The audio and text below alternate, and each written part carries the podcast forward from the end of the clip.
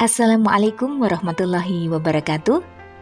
Jumpa kembali dengan saya Titis Umnas dalam podcast Narasi Pos Media.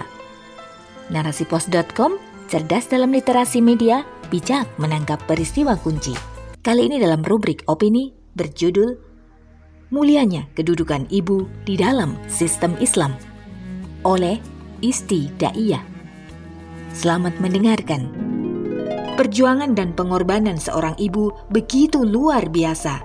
Selama kurang lebih sembilan bulan, kita berada dalam kehangatan rahimnya dan menyatu dalam tubuhnya. Kasih sayangnya sudah mulai tumbuh sedari kita masih menjadi nuftah. Sehingga untuk membalas setetes air susunya yang telah menjadi darah daging, kita pun tidak akan bisa.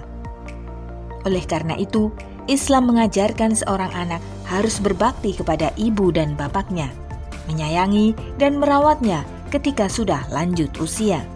Namun, kenyataannya dalam sistem sekuler saat ini, merawat ibu yang sudah tua merupakan hal yang sulit dilakukan.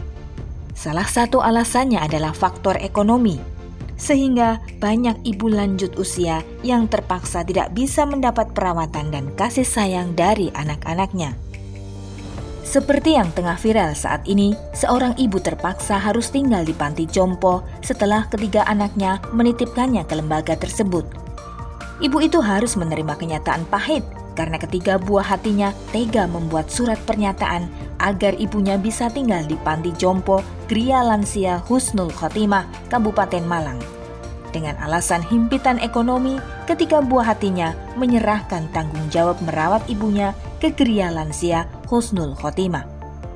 Kompas.com 1 November 2021 Sementara itu, dilansir dari tribunnews.com 21 Oktober 2021 yang mewartakan kisah haru tentang nasib seorang ibu yang sengaja ditinggal oleh putrinya di depan sebuah toko. Ibu tersebut disuruh membeli barang di toko, sementara putrinya pergi tidak datang menjemputnya kembali. Berita ini juga sedang viral lewat video yang dibagikan di media sosial. Fakta di atas adalah bagian yang terungkap dan naik menjadi pemberitaan. Di luar itu, tentunya masih banyak kasus yang tidak terekspos. Banyak ibu yang seharusnya menikmati hari tua dengan bahagia kini justru merana karena anak-anak mereka menganggapnya sebagai beban hidup mereka. Padahal, ketika raga tak lagi perkasa, orang tua berharap ada anak yang akan merawatnya dengan sukacita. Tapi apalah daya, tuntutan ekonomi terkadang harus memisahkan mereka. Terlebih, lepasnya tanggung jawab negara untuk memberi jaminan kesejahteraan kepada para lansia membuat tubuh renta itu pun semakin langsa. Bahkan ketika kaki sudah tidak lagi bisa tegak berdiri, mereka masih harus tertatih mencari sesuap nasi.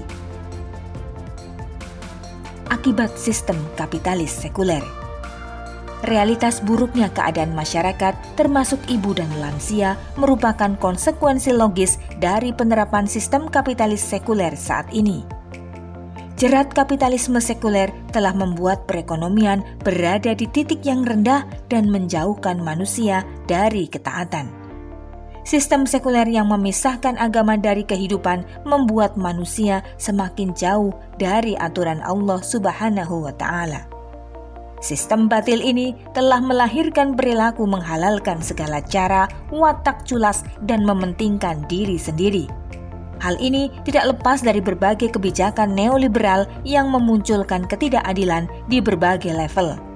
Muncullah ketimpangan yang terus melebar antara rakyat dan para kapital. Bahkan, kapitalisme telah berhasil mendistribusikan kemiskinan hampir ke seluruh negeri. Rakyat harus berjuang sendiri untuk memenuhi kebutuhan hidupnya. Sumber kekayaan yang melimpah tidak pula bisa dinikmati olehnya, tersebab sebagian besar kepemilikannya telah beralih ke tangan para oligarki dan asing. Rakyat dijadikan mesin penggerak perekonomian kapitalisme. Mereka dipaksa untuk menerima kehidupan minimalis yang jauh dari standar kesejahteraan. Sistem ini bukan hanya memproduksi kemiskinan massal, namun juga mencontohkan pola lepasnya tanggung jawab negara terhadap kewajiban mengurus rakyatnya. Negara memfungsikan perannya sebagai fasilitator pembuat undang-undang untuk mengokohkan cengkeraman kapitalis. Paradigma hubungan rakyat dan penguasa yang dibangun oleh sistem ini tidak lebih sebagai penjual dan pembeli Sistem kapitalis sekuler menjadikan rakyat sebagai penderita utama dalam setiap kebijakan yang ada, menyebabkan tekanan hidup manusia semakin berat, terlebih bagi yang tidak kuat iman. Peluang untuk berbuat maksiat semakin terbuka lebar. Karena agama dan hukum Allah tidak dijadikan sandaran, maka hidup hanya untuk mengejar dunia yang menyibukkan sehingga sistem ini juga berpeluang memproduksi anak durhaka. Mereka lebih sibuk mencari uang daripada merawat orang tuanya. Kisah pilu lansia dibuang di jalan dan atau diserahkan ke panti jompo dengan alasan anak tidak sanggup merawat adalah salah satu buktinya. Sistem Islam memuliakan dan menyejahterakan ibu. Islam hadir untuk memberi rahmat bagi seluruh alam, membawa manusia ke peradaban yang mulia, termasuk memuliakan seorang wanita yang bergelar ibu. Banyak hadis yang bisa dijadikan dalil tentang kewajiban memuliakan ibu. Di antaranya, hadis yang diriwayatkan oleh Bukhari dari Abu Hurairah radhiyallahu an berkata, seorang datang kepada Rasulullah Shallallahu alaihi wasallam dan berkata, "Wahai Rasulullah, kepada siapakah aku harus berbakti pertama kali? Nabi Shallallahu Alaihi Wasallam menjawab, ibumu. Dan orang tersebut kembali bertanya, kemudian siapa lagi? Ibumu. Dan orang tersebut kembali bertanya, kemudian siapa lagi? Beliau menjawab, ibumu. Orang tersebut bertanya kembali, kemudian siapa lagi? Nabi Shallallahu Alaihi Wasallam menjawab, kemudian ayahmu. Dalam sebuah firman Allah Subhanahu wa taala menegaskan dan memerintahkan agar berbakti, berbuat baik kepada orang tua. Sebagaimana termaktub dalam Al-Qur'an surat Luqman ayat 14 yang artinya dan kami perintahkan kepada manusia agar berbuat baik kepada kedua orang tuanya. Ibunya telah mengandungnya dalam keadaan lemah yang bertambah-tambah dan menyapihnya dalam usia dua tahun bersyukurlah kepadaku dan kepada kedua orang tuamu. Hanya kepada aku kembalimu. Dari dalil-dalil tersebut sangat jelas memaparkan bagaimana kedudukan ibu dan orang tua dalam Islam. Islam mewajibkan setiap anak untuk berbakti dan berbuat baik kepada ibu dan bapaknya. Namun, untuk merealisasikannya diperlukan hadirnya negara sebagai pengurus urusan rakyatnya Negara wajib hadir untuk memastikan setiap yang diperintahkan oleh Allah Subhanahu wa taala bisa diterapkan dalam kehidupan di negaranya. Negara dalam sistem Islam akan memastikan kesejahteraan rakyatnya individu per individu. Kesejahteraan yang diartikan sebagai terpenuhinya seluruh potensi yang dimiliki manusia secara optimal yakni yang terkait dengan pemenuhan kebutuhan pokok seperti sandang, pangan, papan, pendidikan, kesehatan, dan jaminan hari tua bagi lansia. Negara akan memanfaatkan segala potensi dan kekayaan alam yang ada untuk kepentingan kesejahteraan seluruh rakyatnya. Selain mekanisme ekonomi, Islam melengkapi jaminan pemenuhan kebutuhan ibu dan lansia melalui mekanisme non-ekonomi. Mekanisme tersebut adalah dengan pemberian sanksi dalam bentuk takzir bagi setiap laki-laki balik, berakal, dan mampu bekerja tapi tidak mau bekerja. Bagi setiap individu yang berkewajiban menanggung keluarganya tetapi tidak melakukan tanggung jawabnya dengan baik dan benar, maka negara juga akan menjatuhkan sanksi.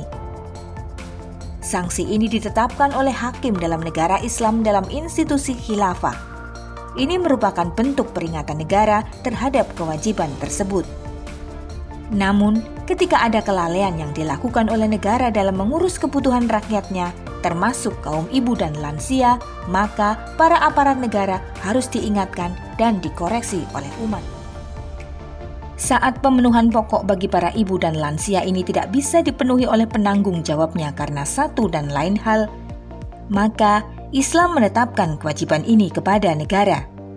Negara memenuhi kebutuhan hidup mereka dengan harta yang ada di Baitul Mal, baik dari pos zakat dan dari pemasukan lainnya. Karena dalam pandangan Islam, negara bertindak sebagai pemelihara dan pengatur urusan rakyatnya dan bertanggung jawab mewujudkan kemaslahatan bagi mereka melalui penerapan hukum Islam secara kafah. Sebagaimana sabda Rasulullah Shallallahu Alaihi Wasallam, seorang imam seperti pengembala dan ia akan dimintai pertanggungjawaban atas apa yang digembalakannya Hadis riwayat Imam Bukhari. Demikian naskah dari Istidaiyah.